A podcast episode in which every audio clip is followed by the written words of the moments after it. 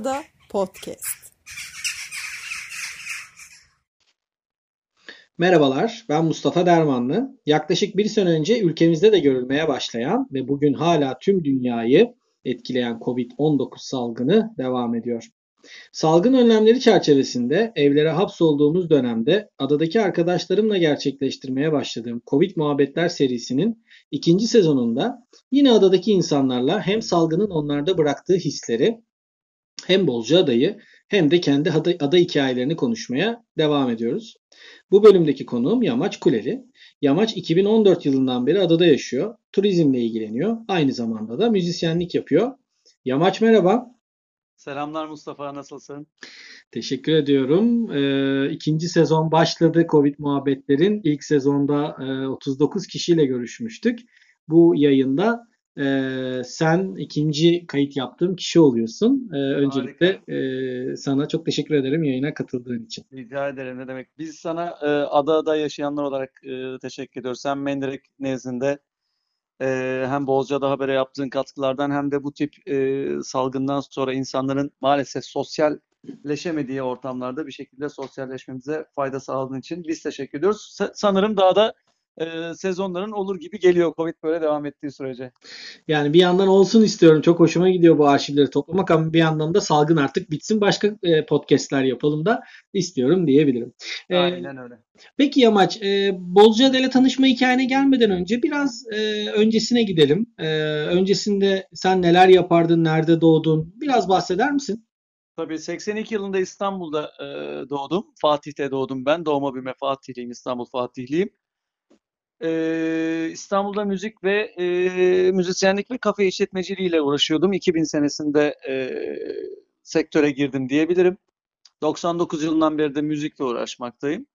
E, 2014 yılında yani adaya yerleşene kadar da e, her iki sektörde e, uzun yıllar devam ettim İstanbul'da. Arada tiyatro eğitmenliği vesaire de oldu ama e, genel itibariyle ağırlıklı olarak müzisyenlik ve kafe işletmeciliği devam etmişti. Ozca'da da turizm olarak e, aslında sektörün bir parçası olarak e, hayatımı sürdürmeye devam ediyorum. Peki adayla e, tanışıklığın 2014 mü öncesi var mıydı? Öncesinde tatil amaçlı gelmişliğim vardı ama yaz döneminde e, gerçekten adayı bilenler olarak konuşursak e, yaz döneminde adayı çok sevmemiştim açıkçası. E, 2014 Nisan'da adaya yerleşmiştim e, iş sebebiyle e, ama adanın yine yazını sevmeyip kışın gerçekten burada e, yaşamaya karar verdim. Biraz o günlere dönelim o zaman. Nasıl karar verdin? E, o karar alırken neler etkili oldu? Biraz ondan e, bahseder misin? Şöyle bu iş benim açımdan e, hayatımda olan planlamalar dahilinde değildi açıkçası. Çünkü ben e, işime İstanbul'a devam etmeyi düşünürken e, abim vasıtasıyla ben aslında adaya yerleştim diyebilirim. E, ve ben adaya yerleşmemiştim aslında. 3 aylık bir dönem için gelmiştim yaz döneminde. E, onun e, işletmek istediği bir yer vardı. Ve o başında duramayacağı için benden rica etmişti. Başında durabilir misin benim adıma 3 ay boyunca diye. E, benim için de evet olabilir dedim. Yani hem tatilimi yapıp hem de işletmeciliğe devam edecektim bir şekilde burada yine. Döndüğümde de kendi e, oradaki İstanbul'daki yaşantıma devam ederim düşüncesindeydim. Fakat e, teoriyle pratik her zaman birbirine örtüşmüyor biliyorsun ki. Bu sebeple e, Nisan ayında yerleşip e, Eylül'ün sonunda sezon bittiğinde İstanbul'a gidip e, tüm eşyalarımı alıp e, tamamen adanın kışını da yaşayarak e, maceram böyle başladı diyebilirim. Ama dediğim gibi Eylül'den sonraki macera benim için çok daha keyifli bir hal almıştı e, kış noktasında. Çünkü hepimizin ya da hepimizin demeyeyim ama hemen herkesin özlem duyduğu o eski çocukluk günlerimizdeki e, mahalle kültürü, e, sokağa çıktığında herkese selamlaşma, komşuculuk ve yardımlaşma kültürü e, küçük bir yer olması itibariyle burada e, çok yaygındı. Bu da çok özlediğimiz bir şeydi. Ben de uzun yıllardır aslında e, bu duyduğum özlemi burada tekrar keşfederek e, gerçekten burada yaşamak istiyorumu e, kendime söyledikten sonra devamını getirdim zaten. Bugün durduğun noktadan baktığında e, iyi ki mi diyorsun, iyi ki geldim mi diyorsun yoksa keşke gelmeseydim mi diyorsun? Peki? Ben iyi ki geldim diyorum. Yaşadığım e, inişli çıkışlı grafik ve e, tüm zorluklara rağmen iyi ki burada kalmışım diyorum. Yoksa pes edip geri de dönebilirdik. E, sen de adada e, bir dönem yaşadın, sen de biliyorsun buradaki kış e, zorluklarını, e, ticari zorlukları hepimiz burada yaşıyoruz. Problemlerimiz hepimizin illaki oluyor. E, ama dönüp gitmek en kolayıydı. Ben kalmayı tercih ettim çünkü e, hani arabesk tabirle gülü seven dikenine katlanır misali e, bu bu tarz şeyleri e, yaşamak istiyorsak her türlü zorluğuna, zorluğuna da bir şekilde katlanmak zorundayız gibi geliyor bana. Güzel açıkladın. Ee, peki salgında Bozcaada'da olmak nasıl bir duygu? Şimdi İstanbul'da ailen orada, abin e, hala orada bir ailesi var, arkadaşların çevrenin büyük bir kısmında büyük kentlerde. Onlarla da iletişim halindesin. E, sen adada geçirdin salgını. ikinci e, yıla giriyor salgın. Aynen. E, avantajları mı vardı? Adada olma, o karantina hali nasıldı? Biraz o duyguları e, anlatabilir misin? Tabii şöyle söyleyeyim. Aslında bu iş biraz psikoloji işi. Yani sadece karantina olarak düşünmeyelim. Biz zaten küçük bir adada yaşıyoruz. Aslında kendi karantinamızı Covid öncesinde de zaten yaşıyorduk. Sen de az çok yine söylediğim gibi tahmin edersin ki ki burada yaşadın biliyorsun. E, sefer saatlerimiz sınırlı. Haftanın bir gün pazarı, e, anakaradan bağlantı çok e, kopuk bir şekilde devam ediyor.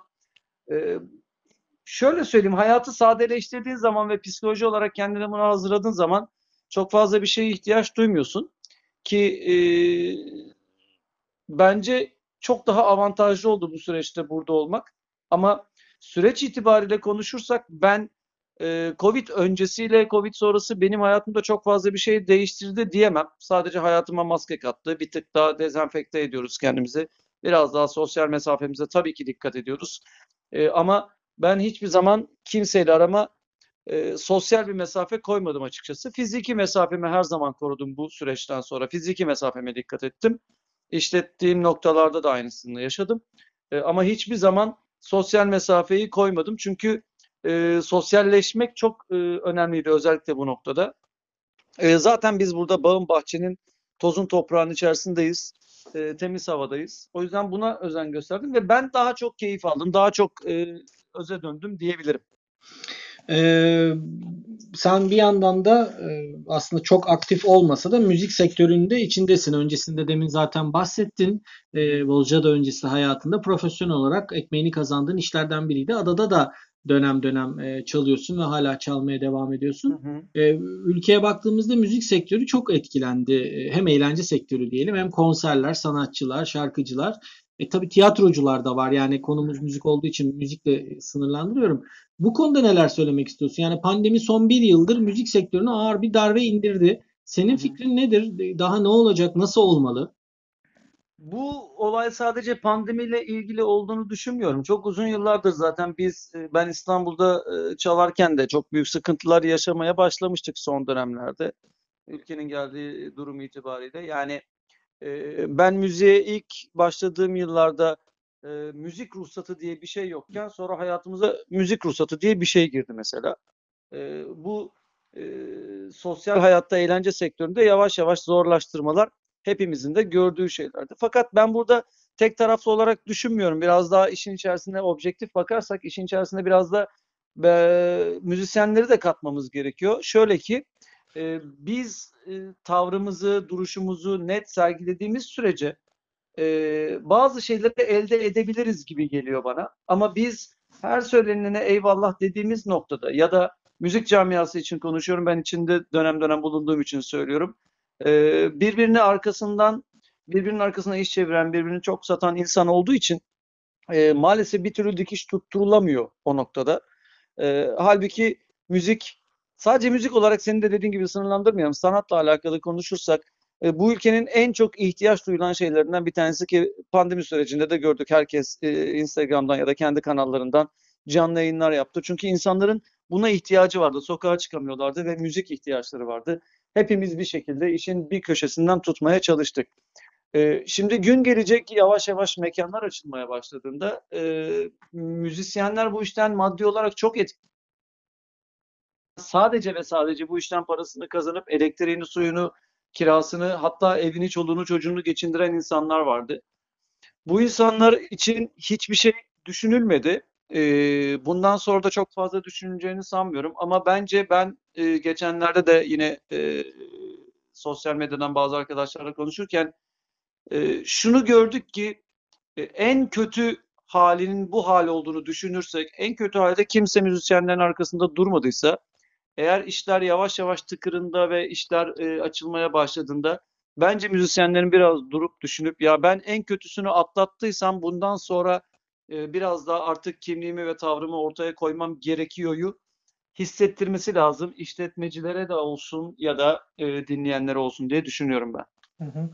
E, Bozcaada'da da ekmeğini e, canlı müzikten kazanan e, veya bazı mekanlarda canlı müziğe dayalı bir eğlence anlayışı da var. Restoranlarda Evet. olsun, barlarda olsun. Bozcaada Belediyesi de geçen sezonun başında tartışmalı bir e, karara imza atmıştı ve canlı müzik yayınını e, yasaklamıştı. Bir Hı olarak bu konuda senin fikrin nedir?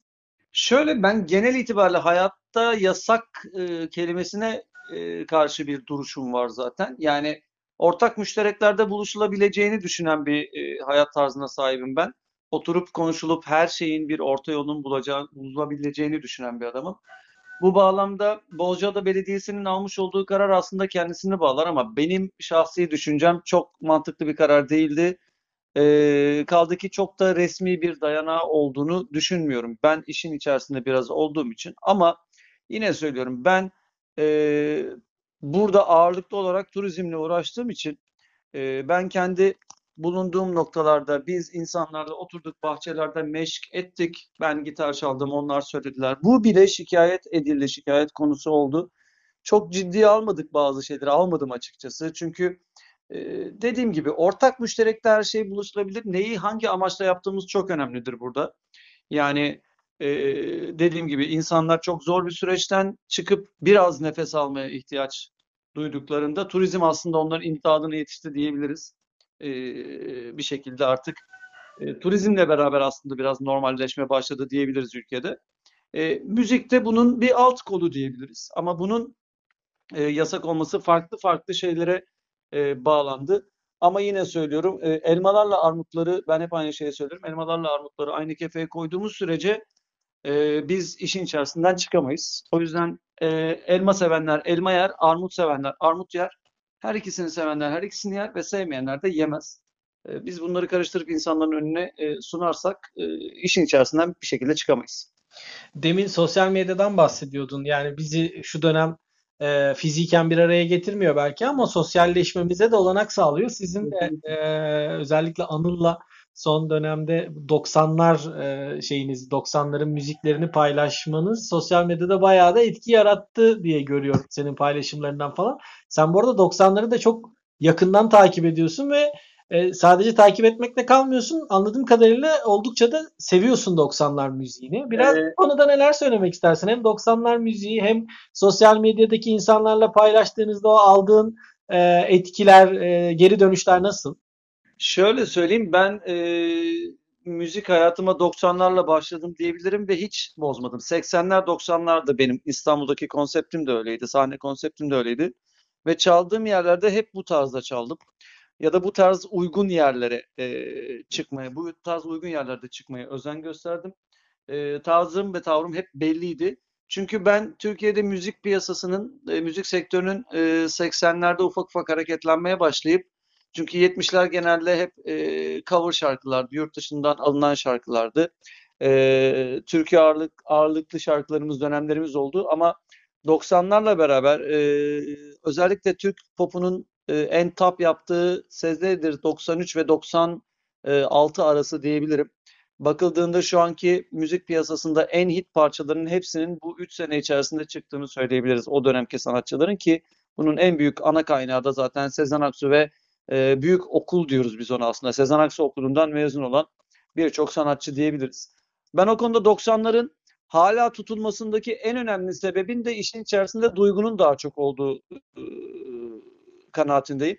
Duygu işin içerisine girdiği zaman müzikte, tiyatroda, sanatta, edebiyatta e, duygu işin içerisine girip de insanların kalbine dokunduğu noktada hiçbir şekilde kendini unutturmuyor. Ama günümüz Türkiye'sinde maalesef e, müzik sektörünün gelmiş olduğu durum pek de iç açıcı değil. Artık her şey teknolojinin gelişmesiyle birlikte e, biraz robotlaşmaya, robotikleşmeye dönmeye başladı. Bu da şununla alakalı çünkü teknolojiyi nasıl kullandığımızla doğru orantılı bir şey. Bazı şeyleri çok pozitife evirebiliriz ama maalesef ki biz ülke olarak e, verilen her şeyi çok e, kısa yol ve kolay e, olarak e, hayatımıza çok çabuk adapte ediyoruz. Kimilerimiz çok pozitif olarak kullanabiliyoruz ama bazıları da çok kolaycı olarak kullanabiliyor. En basit örneği ki Anıl da çok iyi bilir bunu mesela. Anıl da davul çaldığı için e, akustik bir davulun çıkarttığı sesle e, elektro bir davulun çıkardığı ses aynı değildir. Tabii ki o tuşelerin insanların e, ruhunda dokunduğu noktalarda aynı yer olmayacaktır. O yüzden 90'lar e, bundan 20 sene sonra da konuşacağımız, Türkiye'de konuşacağımız e, konular arasında hep olacaktır. E, o dönemin, ben hep şunu söylerim, o dönemin yapılmış en kötü şarkısı bile şu dönemin e, çok popüler saçma sapan e, Aleyna Tilki şarkılarına e, on basar diyebilirim. Bunun içerisinde hepimizin çok güldüğü Yonca Evcimik'in 8-15 Vapur ya da Ada e, Aboneyim şarkısını bile katabilirsiniz. Ama orada bile bir müzikalite vardır. E, ben 90'ları çok seviyorum. Oradan aldığımız etkileşimler de çok güzel. Yani biz Anıl'la aslında atışmaya başladık. E, 90'larda hatırlarsın ki Nihat Beyan girmişti bizim hayatımıza yarışmalarla. Bir e, noter olarak. Evet, evet. Ben bir gece yolda dadayı dolaştırırken, köpeğimi dolaştırırken e, bir Nazan Öncel şarkısı dinlerken introsu çok hoşuma gitti. Ya dur bakayım şu introdan Anıl bu şarkıyı çıkartabilecek mi dedim ki Anıl'ın çünkü repertuarı çok geniş. DJ'lik yaptığı için aynı zamanda. Ee, Anıl e, Anıl'a ben dok, tam 90'dan diye soruyu sorduktan sonra Anıl hemen şarkıyla cevap verdi bana ve sonra Anıl'la yazışırken Anıl bunun ya devamını getir her akşam yapalım dedi.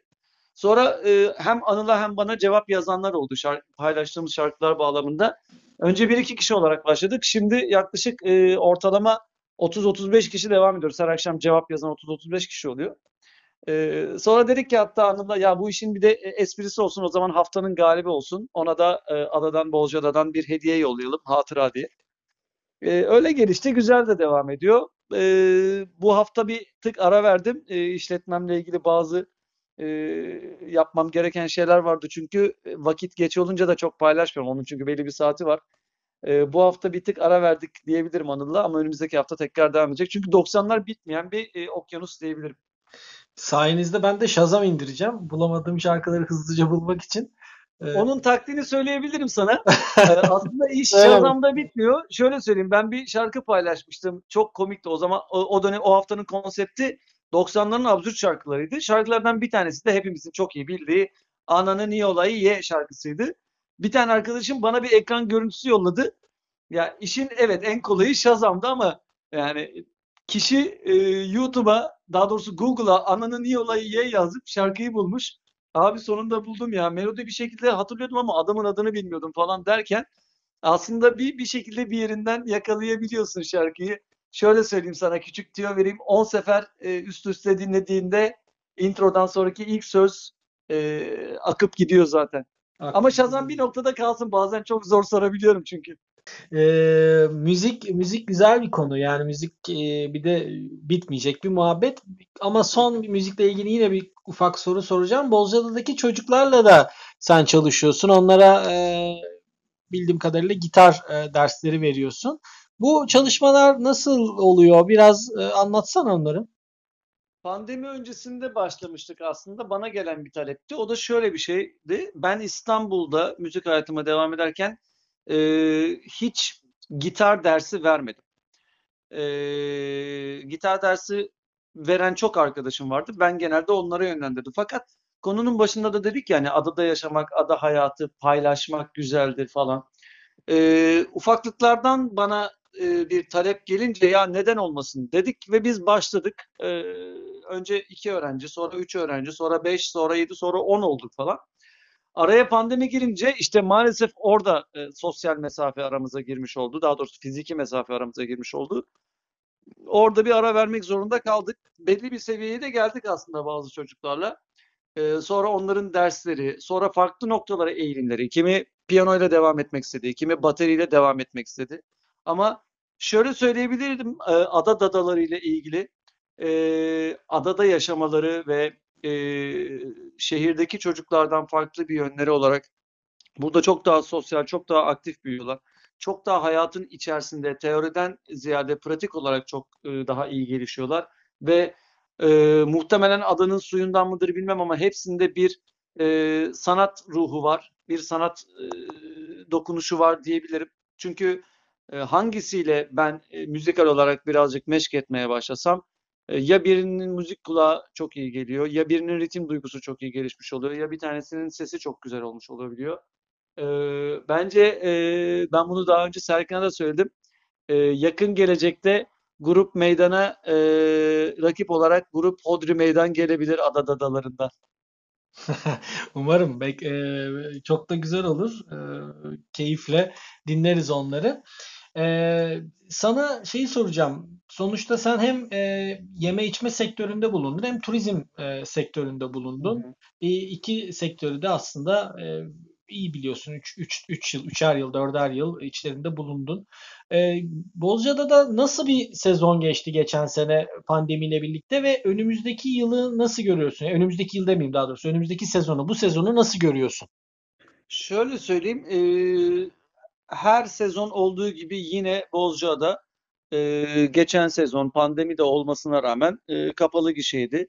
Bu şunla doğru orantılı çünkü buranın bir kapasitesi var zaten ve son dönemde de e, özellikle 2000'li yılların e, ortasından itibaren Bozca'da biraz daha popüler olmaya başladığı için e, ve kapasitesi de sınırlı olduğu için her dönem e, artan bir e, ivmeyle devam ediyor. Bu nereye kadar devam eder? Bu biz işletmecilerin elinde. Çünkü e, insanlara neyi ne kadar e, iyi sunabilirsek o kadar devamı gelir ama nasıl olsa burası kendini satıyor kafasında biz e, turizmi algılarsak ve devam edersek ve buranın tarihi dokusunu korumazsak ya da buraya gelen insanların hangi amaçla burayı tercih ettiğini iyi algılayamazsak e, işte o noktada bir e, süre sonra teker patlayabilir gibi görürüm. Şöyle ki e, ben hep e, şunu söylerim. Bolca'da kendi e, baş, başına bir marka zaten. Bunun içerisinde bizlerin işlettikleri ya da çalıştıkları yerler e, çok önemli değil. Şöyle önemli değil derken ya, işlettiğimiz ya da çalıştığımız yerleri küçümsemek adına söylemiyorum. Ama e, kafasına Bolca Adaya, Bolca Adaya gelmeyi koymuş bir insan bir şekilde bir yerde kalacak, bir şekilde bir yerde karnını doyuracak e, ve e, sevdiği bir koyda denizine girecek. Bizler bu noktada konaklama ya da yeme içme sektöründeki insanlar olarak o insanların hayatına ne kadar dokunabileceğiz ve Bozcaada'yı gerçekten doğru bir şekilde nasıl anlatabileceğiz? En önemli nokta bu olduğunu düşünüyorum. Ben ki çoğu işletmeci arkadaşım da bunu yapıyor. Bu arada hani e, istisnalar kaideyi bozmaz ama %80 itibariyle Bozcaada'da kötü bir turizm yok. Bozcaada'da iyi bir turizm var. Çünkü ben hangi işletmeci arkadaşımla konuşsam herkes e, konaklama sektörü için konuşursak otelinde gelen misafirine e, çayını kahvesini ikram edip e, o süre zarfında adayı bilmiyorsa haritasını açıp e, adaya dair bilgileri hepimiz veriyoruz zaten. Ya da akşam restorana gittiğinde e, restorandaki işletmeci arkadaşlar zaten orada çalışan arkadaşları konularla ilgili e, iyi bir şekilde donanımlı bir şekilde işliyorlar. Yani tabii ki serviste aksamalar olabilir. Bunlar teknik şeylerdir ama dediğim gibi temelde Bozcaada'yı ve Bozcaada'nın e, turistik doğal dokusunu ya da yerel lezzetlerini iyi tanıtabilirsek biz bu konuda herhangi bir sıkıntı yaşamayız önümüzdeki süreçte de. E, pandemi olsun olmasın. E, ama dediğim gibi biz e, eğer kısa süreli bir şeyler düşünürsek turizm anlamında biz derken ben ve benim gibi adaya sonradan yerleşen insanlar ya da burada yaşayan, burada doğmuş büyümüş e, turizmci arkadaşlar, işletmeci arkadaşlar. E, biz baz olarak Bozcaada'yı alırsak, temelimize Bozcaada'yı koyarsak herhangi bir sıkıntı olmaz. Yine söylüyorum e, pandemi olsun olmasın bir şekilde insanlar e, bu yörenin dokusunu çok seviyorlar ve bir şekilde buraya gel gelecekler, burayı tercih ediyorlar. Bundan sonra da bu böyle olacak diye düşünüyorum. E, bir e, kısıtlamalarda birazcık gevşeme oldu. Kafe, e, meyhane, restoran gibi yerler e, belli bir saate kadar, akşam 7'ye kadar e, açılması kararlaştırıldı. Bu sezonu erken açılması noktasında bir katkı sağlar mı? Sence sezon erken açılır mı Bozcaada'da bu sene? Benim öngörüm bu sezon daha erken açılacağı. önümüzdeki geçen sezon itibariyle tabii ki hepimizin tüm dünyada tüm dünyada olduğu gibi hepimizi de e, ilk kez etkileyen ve ilk kez karşılaştığımız bir şey olduğu için e, Covid-19'da tabii ki biz biraz daha bekledik, süreci izledik ve e, en olabilecek doğru zamanda geçen sezon e, herkes işletmelerini açtı. Bu sezon geçen seneden tecrübeyle doğru orantılı ve e, artık yavaş yavaş yeni normal dediğimiz kavramla ilgili e, süreçten dolayı ben daha erken açılacağını düşünüyorum. Fakat burada yine söylüyorum biz işletmecileri e, aşan bazı şeyler var. Bu da yerel erk. Yani buradaki belediye ve kaymakamlığın artık pandemiyle beraber hayatımıza giren ilçe hıfzı sıha, il ve ilçe hıfzı sıha kurullarının alacakları kararlar. Ee, tabii ki çok etkili olacaktır. Örneğin şu an e, hayatımıza giren yeni renklerle beraber Çanakkale turuncu gözükmekte. Ama e, ona bakarsak e, Bozcaada Anakara'dan bağımsız olması itibariyle konuşuyorum. Türkiye'nin en mavi noktalarından bir tanesi diyebiliriz aslında. E, bu bağlamda e, Bozcaada ile ilgili alınacak kararlar böyle mi olacak? E, bunu çok yakın zamanda göreceğiz. Kaymakam Hanım ya da belediye başkanımız e, bu konuda nasıl bir e, tavır sergileyecekler? Bunu da yakın zamanda göreceğiz. Bu bağlamda bizim sadece dikkat etmemiz gereken şey e, biz dışarıdan daha çok e, insanı ağırlayan bir turizm beldesi olarak e, bizim işletme olarak dikkat etmemiz gereken bazı kurallar var ki geçen sene bunları uyguladık. E, kendi işletmelerimizde hijyen kuralları olarak geçen her şeyi hepimiz yaptık. Yani konaklama sektöründeki insanlar için e, dezenfektanlar çıktı, e, ultraviyole ışıklar çıktı vesaire vesaire.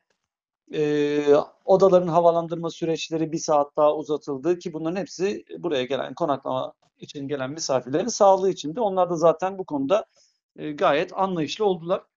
Bunların devam etmesi gerekiyor ve dediğim gibi e, burada sosyal demeyelim ama ben hep aynı kavramı kullanıyorum. Fiziki mesafeyi koruduğumuz sürece ada bence hepimize yetecek bir şekilde e, doğasını ve güzelliğini barındırıyor. Onun için bence aşağıda çayımızı kahvemizi de içebiliriz. Fiziki mesafemizi kontrol ederek ya da hafta sonu sahile gidip çok küçük bir ateşte e, burada her zaman yaptığımız gibi sucuk ekmeğimizi de yapabiliriz. Gibi gibi gibi. Ama kurallar ve yasaklar maalesef hayatımızda hep var ve olacaklar. E, süreç ne getirecek bilmiyorum ama ben daha geçen sene, e, seneye göre daha erken açılacağı öngörüsündeyim. Anlıyorum. Ee, tabii ilçe hıfzı saha kurulu kararı il hıfzı saha kuruluna veya İçişleri Genelgesi'ne uymak zorunda olduğu için çok e, özel bir karar alabileceklerini tahmin etmiyorum ama dediğin gibi Bozcaada da uzun zamandır, aylardır yeni bir vaka yok. Ee, Bozcaada bu anlamda iyi atlattı e, Covid'i diyebiliriz. Peki Yama çok teşekkür ediyorum muhabbet için. Son olarak sözlerini alabilir miyim? Ben teşekkür ediyorum. Ben yine sana e, konuşmanın başında dediğim gibi biz size teşekkür ediyoruz buradakiler olarak. E, biz aslında burada bu muhabbetleri yapıyoruz ama e, emin ol e, burada yaşamayan ve e, gerek Mendirek dergisini, gerek Bolca Haberi, gerek de bu e, senin e, yapmış olduğun ada insanları belgesellerini ya da bu post podcastleri e, dinleyen çok insan var. Onlar adına ben sana teşekkür etmiş olayım. E, ufaklığı bizim için çok öp. E, sana da yaşantında başarılar diliyorum. Çok da güzel takip ediyorum seni. Bayağı e, yerel ve doğal takılıyorsun. Teşekkür ederim. Sağ ol. Selamlarını aldım. Bozcaada da e, kısa süre sonra görüşmek üzere diyorum. Bu podcast serimizi takip etmek isteyenler hem e, Spotify üzerindeki Bozcaada Podcast kanalından hem Apple Podcast hem Google Podcast ve bozcaadadergisi.com adresinden de hem bu yayını hem de e, diğer yayınlarımızı e, arşivleyip takip edebilirler. Tekrardan teşekkürler. Görüşmek üzere Yamaç. Ben teşekkür ediyorum. Öpüyorum. Görüşmek üzere. İyi bak kendine.